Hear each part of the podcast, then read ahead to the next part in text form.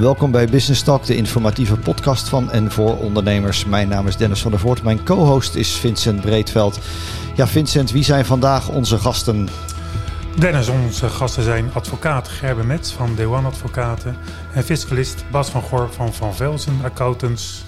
We gaan het met ze hebben over het terugbetalen van de NOW-gelden en uitgestelde belastingen. Gerben, om even af te trappen. NOW, wat was dat ook alweer? NOW, ja, het staat voor uh, noodmaatregel overbrugging voor werkgelegenheid. En uh, ze zijn inmiddels opgesplitst, uh, nummers 1 tot en met 8, als ik me niet vergis. En het is een, een maatregel die eigenlijk ja, een, een, subsidie verleent aan um, ondernemers die vanwege de beperkingen vanwege COVID hun loonlasten eigenlijk niet konden blijven doorbetalen vanwege tegenvallende omzetten. En de overheid die vond het een goed idee om de mensen zoveel mogelijk aan het, uh, aan het werk te houden. En uh, daar hebben zij een overbruggingskrediet voor gekregen in de vorm van een subsidie. En uiteindelijk heeft die maatregel uh, ervoor gezorgd dat er zo min mogelijk mensen zijn ontslagen en de economie is blijven draaien, toch? Ja, en dat er schrikbarend weinig faillissementen zijn tot zover. Dat is maar steeds de hoogst die uitgesteld Maar toen werd het het najaar van 2022. Ja, toen en hoe gaat het nu? Nou ja, wat je nu wel ziet is dat er toch een hele hoop uh, mensen geconfronteerd zijn, althans bedrijven, met uh, een terugbetaling van ofwel het hele voorschot, dan wel een gedeelte daarvan. en daar zijn nu ook de nodige bezwaarprocedures die, daar, die daarover lopen. En um, ja, ik heb de cijfers heel even, even erbij gepakt. En um, van de ontvangers van die steun in het voorjaar van 2020 zijn er ongeveer 6000 bedrijven die een volledige terugbetaling moesten doen. En dan moet ik er wel bij zeggen dat dat ook veel bedrijven zijn geweest die uiteindelijk de definitieve berekening niet hebben aangevraagd. Waardoor je ja, als definitieve berekening een nulaanslag krijgt, om het maar even zo te zeggen. En dan moet je alles terugbetalen. En, en was dat, wat, wat was die definitieve berekening? Moesten ze dat zelf doen? Of, of ja. kijk even naar je buurman Bas. Uh, is dat iets waar jullie bedrijven mee moesten helpen uh, als accountant? Jazeker. Uh, je had in feite drie, drie, drie gradaties. He, de, de allerkleinste NOW's, dat was uh, zeg even tot, tot 25.000 euro ontvangen. Die konden zo afgewikkeld worden. Vanaf 25.000 tot uh, 100.000 of 125.000, daar moest een derde verklaring voor komen. die werden veel al door mijn accountantscollega's gedaan. En boven de 125.000 moest er een accountantsverklaring komen. En dat is een wat zwaardere variant op die derde verklaring. En dat is iets waar echt jullie uh, gillend ja. gek mee geworden zijn dit jaar volgens mij. Ehm, dat heeft voor uh, heel wat extra werkdruk gezorgd inderdaad, absoluut. Ja. ja. En, hoe, en hoe gaat het nu? Want, want 1 oktober was zo'n beetje zo'n datum van hè, nu moet het wel terugbetaald gaan worden. Maar is dat nou definitief of, of is er nog langer uitstel mogelijk? En dat doe je op de... Op de NOW met name. Uh, nou ja, goed. In, feite was het natuurlijk zo op het moment dat je uh, dat je, je afrekening uh, indiende, dan kreeg je, kon overigens lang duren, maar had, had het UWV 52 weken maximaal om, om te beslissen. En als er eenmaal een beslissing was en, en de conclusie was dat je terug moest betalen, dan kon je daar eigenlijk per direct mee beginnen. In één keer afwikkelen. Uh, dan wel een, uh, een, uh, een uitstelregeling aanvragen daarvoor. Er zijn natuurlijk wel ook een aantal bedrijven die, die bericht hebben gekregen, Gerben, dat, dat ze moesten terugbetalen. Het hele of het gedeeltelijke bedrag.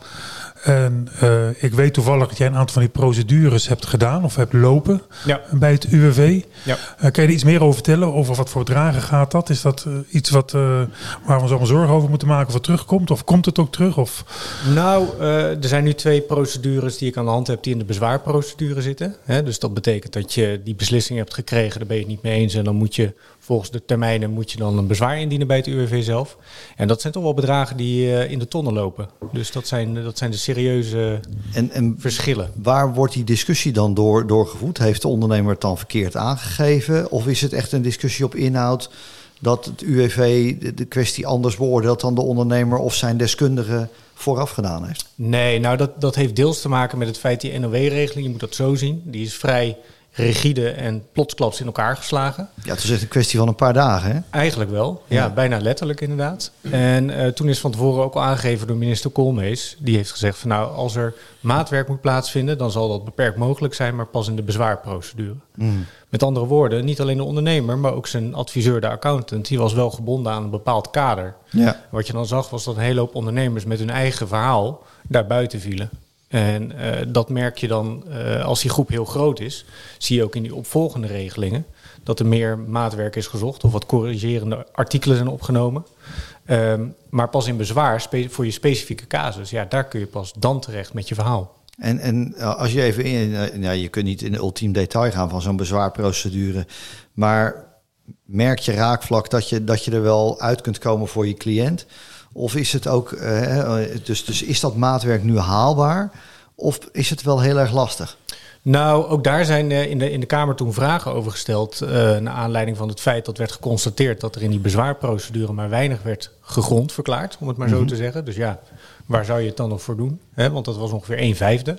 Inmiddels loopt dat op iets na een kwart. Dus uh, een kwart van alle bezwaarprocedures eindigt in een gegrond eh, verhaal, om het maar zo te zeggen. Um, ja, ik, ik denk wel dat met name als je uh, valide argumenten hebt die zien op de hoogte van de loonsommen. Hè, dus dat je zegt van nou die loonsom die is als uitgangspunt is genomen, vind ik niet terecht. Ja, ja daar, daar zijn die bezwaarprocedures over het algemeen uh, wat ontvankelijker voor uh, dan voor de overige regelingen. Oké. Okay. En ver, verwacht je nou dat er nog veel meer gaat komen in de, in de komende maanden? Of zit je nu al op het hoogtepunt van al die bezwaren? Um, nou, ik verwacht dat er nog zeker bezwaren zullen komen. Want we zien die uh, bezwaarbesluiten zien we nog niet terug in nou ja, de openbare registers. Hè. Dat Ja, zie je pas ja. bij, uh, op, op, het moment dat het bij de rechter uh, voorkomt. En dan krijg je wat meer richting. Um, maar de opvolgende regelingen onder NOW, dus dan heb ik het ongeveer over 3 tot en met 8, die hebben eigenlijk al een paar corrigerende factoren hebben ze ondervangen. Waar nu discussie over staat onder 1 en 2. Dus ja, dat soort discussies die zijn dan als het goed is wat meer uit de wind geslagen. Gerben, ja, of Bas, een van jullie, een van de twee, maakt me niet uit wie. Wat ik bij het begin van die NOW eigenlijk al raar vond, is dat er een grote rol werd toebedicht aan je eigen accountant. Dat is je vriend, maar dat werd ook eigenlijk je vijand. Uh, het is een beetje, beetje overheidseigen hè, om tegenwoordig uh, al het controlerende werk en al het uh, corrigerende werk in de particuliere sector, zullen we zeggen, te laten doen. Ik weet niet of jullie daar wat over kunnen zeggen, of jullie daar wat van gemerkt hebben. Over de discussies tussen jouzelf en in, in jouw geval dan Bas en, en, en de klanten. Nou, ik moet eerlijk zeggen, ik ben zelf fiscalist. Jij bent natuurlijk fiscalist, dat is waar. De accountants die hier Ja. wat nauwer uh, bij betrokken waren. Maar het is natuurlijk wel zo dat inderdaad in feite de, de, de accountant als een soort voorportaal uh, wordt gebruikt voor, uh, uh, voor het UWV in dit geval. Ja. Ja. Ja, je Dus- bent een soort- moet je heel streng Een zijn. soort onbezoldigd ambtenaar van, de- van de regering aan het worden. In feite wel, ja. En Gerben, in jou- in jouw gevallen, die lopen nu. eh, Ja, absoluut. Speelt dat ook hetzelfde? Daar, daar was discussie tussen de accountant en de klant. Uh, de accountant die ik daarover sprak, heeft dat ook als zeer vervelend ervaren. Uh, en dat was deels wat ik eerder aanhaalde. Ze zijn heel erg beperkt. Want je moet het zien dat bijvoorbeeld bij zijn assurantierapport, hè, dus wat de accountant moet opleveren als derde verklaring, Mhm. die we al eerder hebben genoemd. Uh, dat is heel rigide. Dus gewoon een online formulier met weinig ruimte om nuances aan te brengen of om verklaringen of toelichtingen te geven. En heel vaak zit het hem in uh, de nuance die de ondernemer zoekt om ervoor te zorgen dat die subsidie, dat voorschot. En- overeind blijft. En dat is weggeduwd naar de, naar de bezwaarprocedure, dus dat komt nu pas naar boven. Precies. Ja, en tot die tijd heb je eigenlijk twee gestelde en misschien wel strijdige eh, eh, uitkomsten van hoe zo'n hoe zo'n eh, verklaring eruit moet komen. Ja, precies. En speelt die accountant daar dan ook nog een rol in, in die procedure? Of Ja, is dat dan te technisch? Wordt er voor Nou, ik denk het niet. Ik denk dat eh, de accountant die volgt over het algemeen de kaders die hem voorgelegd zijn. Hè, dat, dat moet hij natuurlijk ook. Ja. En ehm, die zal ook eh, aan zijn klant, en dat is dan de ondernemer zelf meegeven, ja, dit is niet het forum om in discussie te gaan over jouw specifieke casus. Ja, precies. We hebben dat twee keer hebben we dat wel geprobeerd op te lossen eh, door een extra toelichting bij het assurantierapport te laten opnemen. eh, die die nuance al duidelijk maakt. Alleen we hebben nu ervaring leert, gemerkt dat er eigenlijk niks mee gedaan wordt door het UWV. En dat ze inderdaad, nou ja, Pas in de procedure. Exact, in de bezwaarprocedure daarop Dan pas, ruimte creëren juist. daarvoor. Ik wil even het bruggetje maken naar, naar Bas. Eh, eh, genoeg over de NO, NOW, denk ik wel. Eh, eh, net zo snel als die NOW-regeling in elkaar ge- gefietst is, kwamen de besluiten van nou, je, we, regelen wat uitstel van, eh, van belastingen. Ehm, misschien even terug in, in, in de herinnering. Zat het op alle vlakken of was het vo- voornamelijk omzetbelasting? Nee, nee, nee. Het, het, het waren praktisch alle belastingen. Eh, ik denk de omzetbelasting en de loonheffing. Eh, daar is het meest op toegepast. Eh, inkomstenbelasting eh, en vennootschapsbelasting ook zeer veel. Maar er waren ook, ook allerlei wat kleinere belastingen. Ik geloof dat op een gegeven moment zelfs de motorrijtuigenbelasting eronder is gebracht. Echt van alles. Ja, ja dus alles waar je voor moest betalen, mocht je, mocht je uitstellen. Op hoofdlijnen wel. Ja. Kijk je terug in de afgelopen twee jaar, in, in, in die hele COVID-periode, is het natuurlijk heel vaak wel ook in, in, de, in de pers gekomen van gaan die gelden überhaupt ooit nog wel eens terugbetaald worden? Want Ja. Straks zijn we uit COVID en, en dan hopen dat de economie weer goed draait en dat die ondernemer terug kan, eh, kan gaan betalen. En inmiddels is de wereld natuurlijk in een paar maanden volledig op schop gezet. Wa- Wat merk jij nou in je dagelijkse praktijk? Wat, wat hoor je van collega's om je heen? Hoe, hoe ondernemers daar nou, mee, eh, daar nou in zitten? Ik- Zijn er grote problemen? En, en wat geef je dan zo'n klant mee?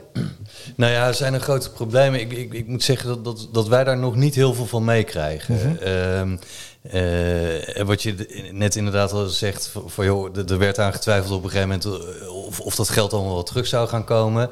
Eh, ik denk dat het daardoor waren ook heel veel ondernemers die tegen ons op een gegeven moment zeiden, eh, als we eh, in eerste instantie gold het uitstel maar voor een x aantal maanden, dan kon je het verlengen. En, en Ja. eh, had je natuurlijk ook ondernemers die zeiden van, nou ja, in feite heb ik het helemaal niet zo nodig, maar eh, laten we toch maar proberen om het aan te vragen. Want daar zul je zien dat het kwijtgescholden wordt. En dan, eh, Dat is het. hè, dan heb ik niet meegedaan. Dus ze zag je inderdaad wel dat, dat, dat, eh, dat er bij een hoop ondernemers echt forse schulden werden opgebouwd. En je zag de Zuidas-kantoren komen die ineens mega bedragen hadden opgehaald en dan moesten ze gelijk weer terugbetalen. Hè? Dat, dat zagen we natuurlijk ook in, in die regelingen. Ja.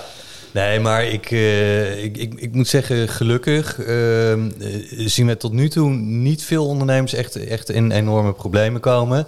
Eh, maar goed, natuurlijk, de, de, de, de, de afbetaling is pas net begonnen. Eh, dus dat is denk ik ook even wachten. Hè, dit is de eerste maand, eh, 31 oktober, moet de eerste maandtermijn eh, betaald zijn. Eh, dus wat dat betreft moeten we denk ik nog eventjes wachten om te zien wat er nou daadwerkelijk gaat gebeuren. En wat moet je nou als ondernemer doen? Want je hebt, eh, laten we zeggen, in eh, het derde kwartaal van 2020 heb je je, je omzetbelasting niet betaald. Wie houdt dat nou een beetje bij dat je wat je nog moet terugbetalen? En hoe werkt dat? Moet je dat zelf doen? Nee, Ligt dat, daar een rol voor jullie als fiscalist slash accountantskantoor? Hoe werkt dat? Eh, de fiscus houdt alles heel netjes bij. En die hebben ook aan alle ondernemers eh, voor 1 oktober eigenlijk een overzicht, eh, een soort totaaloverzicht gestuurd eh, met, met, met wat je nou als belastingplichtige open staat. Eh, dat zijn dus alle, alle, alle verschillende typen belasting bij elkaar opgeteld.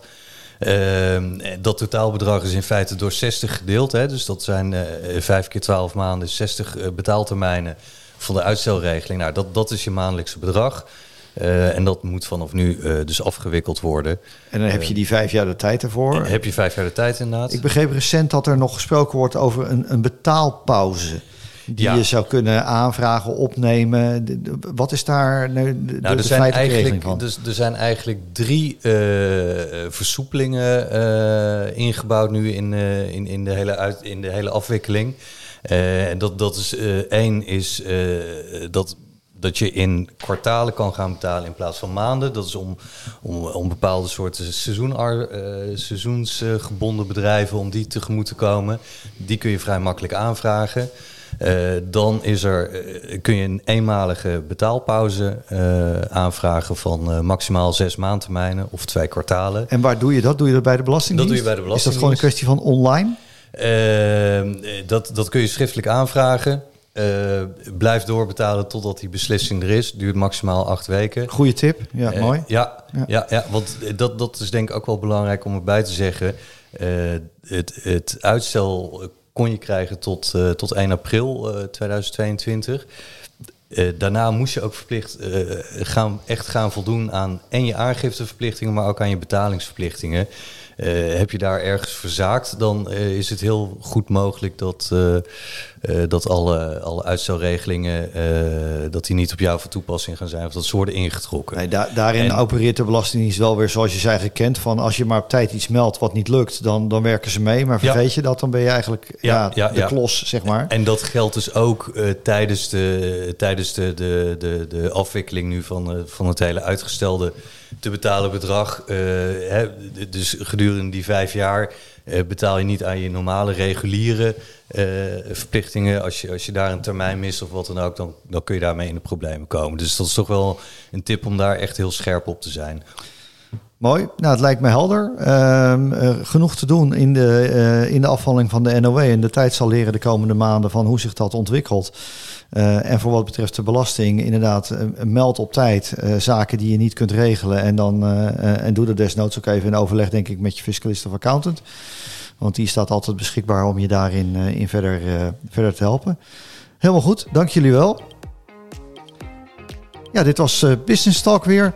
We bedanken onze gasten Gerben Mets en Bas van Gorp voor hun input op de thema's uitgestelde belastingen en NOW terugbetalen. Bedankt voor het luisteren en graag tot een volgende keer.